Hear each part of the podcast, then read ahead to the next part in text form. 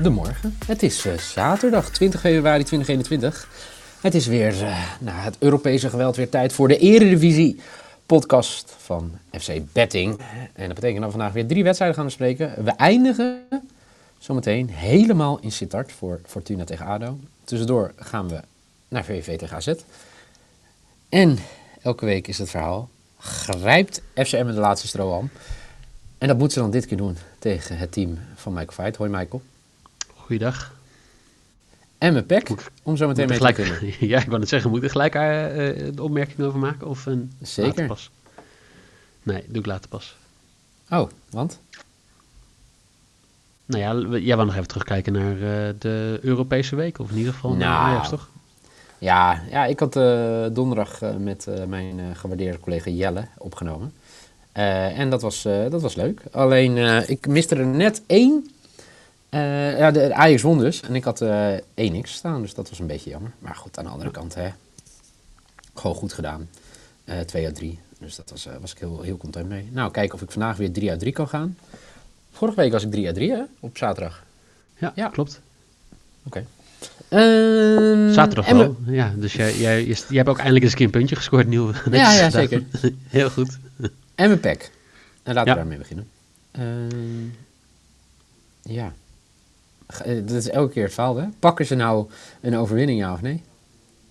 Ik hoop het niet. Nee. Ik hoop het echt niet, want dan, uh, dan, dan moet Zwolle zich echt heel erg zorgen gaan maken.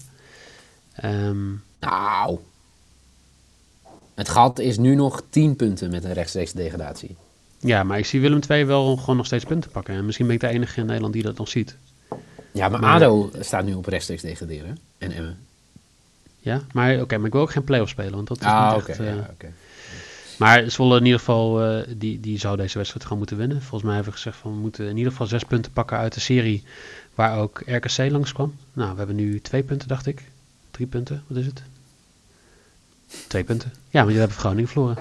Zeker. Dus, ja. uh, dus er moeten hier gewoon drie punten gepakt worden. En, en ja, eigenlijk heel jammer. Bij uh, Zwolle is Sai van Wermerskerken uh, ja. lang uitgeschakeld nu met een knieblessure.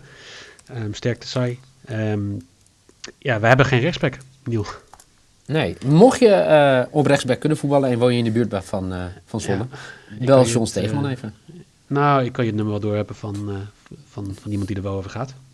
Oké, okay, nog um, beter toch? Dus ja, als je rechtsback bent en je kan voetballen, sluiten met DM's.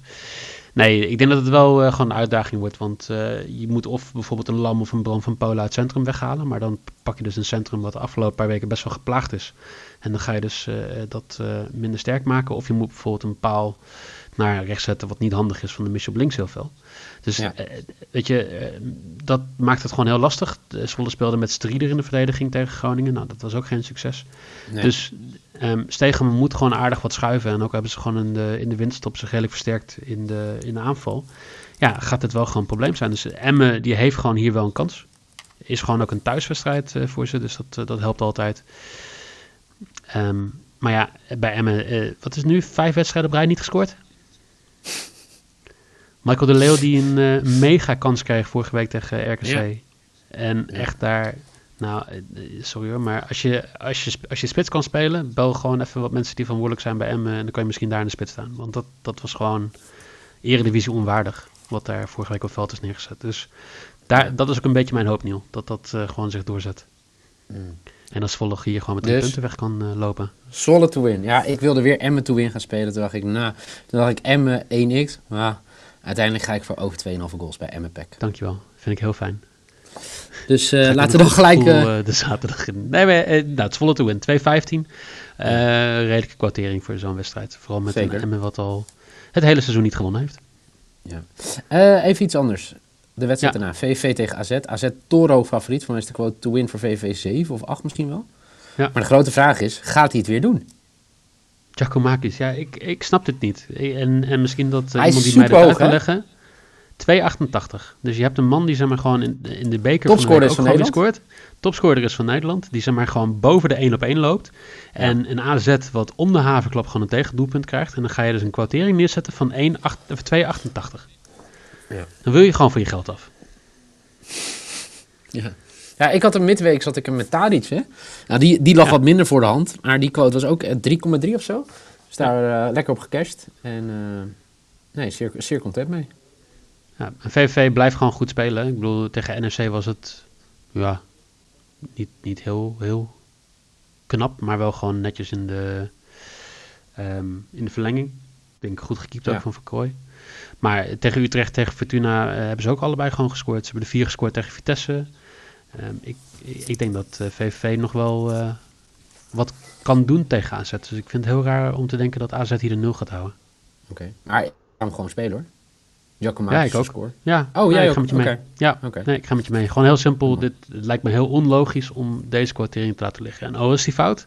Dan kunnen we elkaar gewoon in de spiegel aankijken en zeggen, nou, ja. we hebben in ieder geval het ja, juiste Goeie bed. Ja, ja, ja. Zeker. Oké. Okay. Uh, top. Nou, dan gaan we alweer door naar de laatste wedstrijd. Dan is die al heel makkelijk. Um, Fortuna tegen ADO. Fortuna uitmuntend in uh, uitwedstrijden.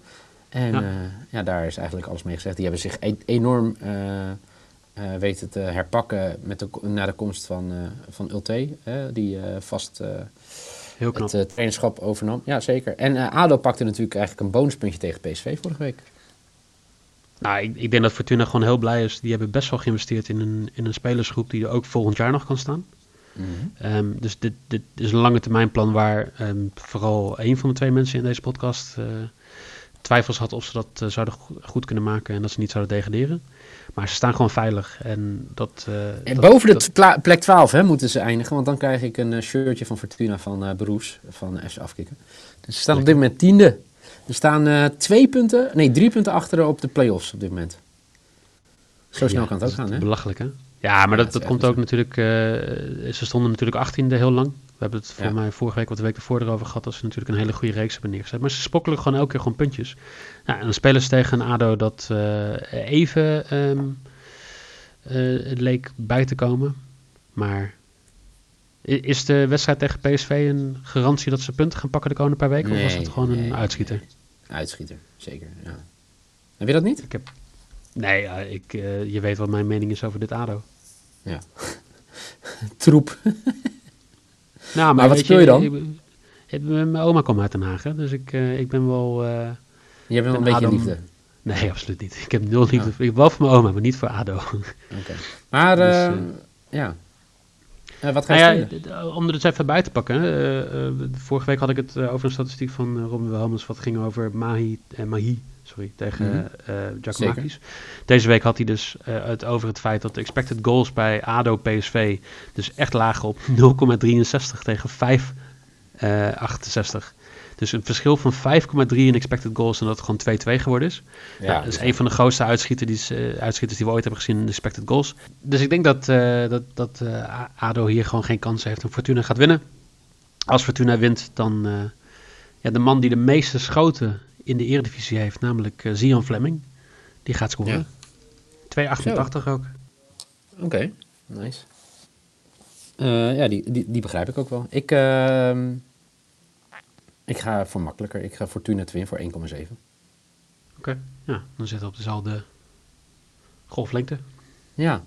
ja, en als de mensen zeggen, wat waren nou de bets van deze prachtige zaterdag? Uh, Michael's lok is dat zijn pack gaat winnen van Emmen voor 2,15. Zijn maybe is u hoorde hem al. Fleming to score voor Fortuna tegen ADO 2,88.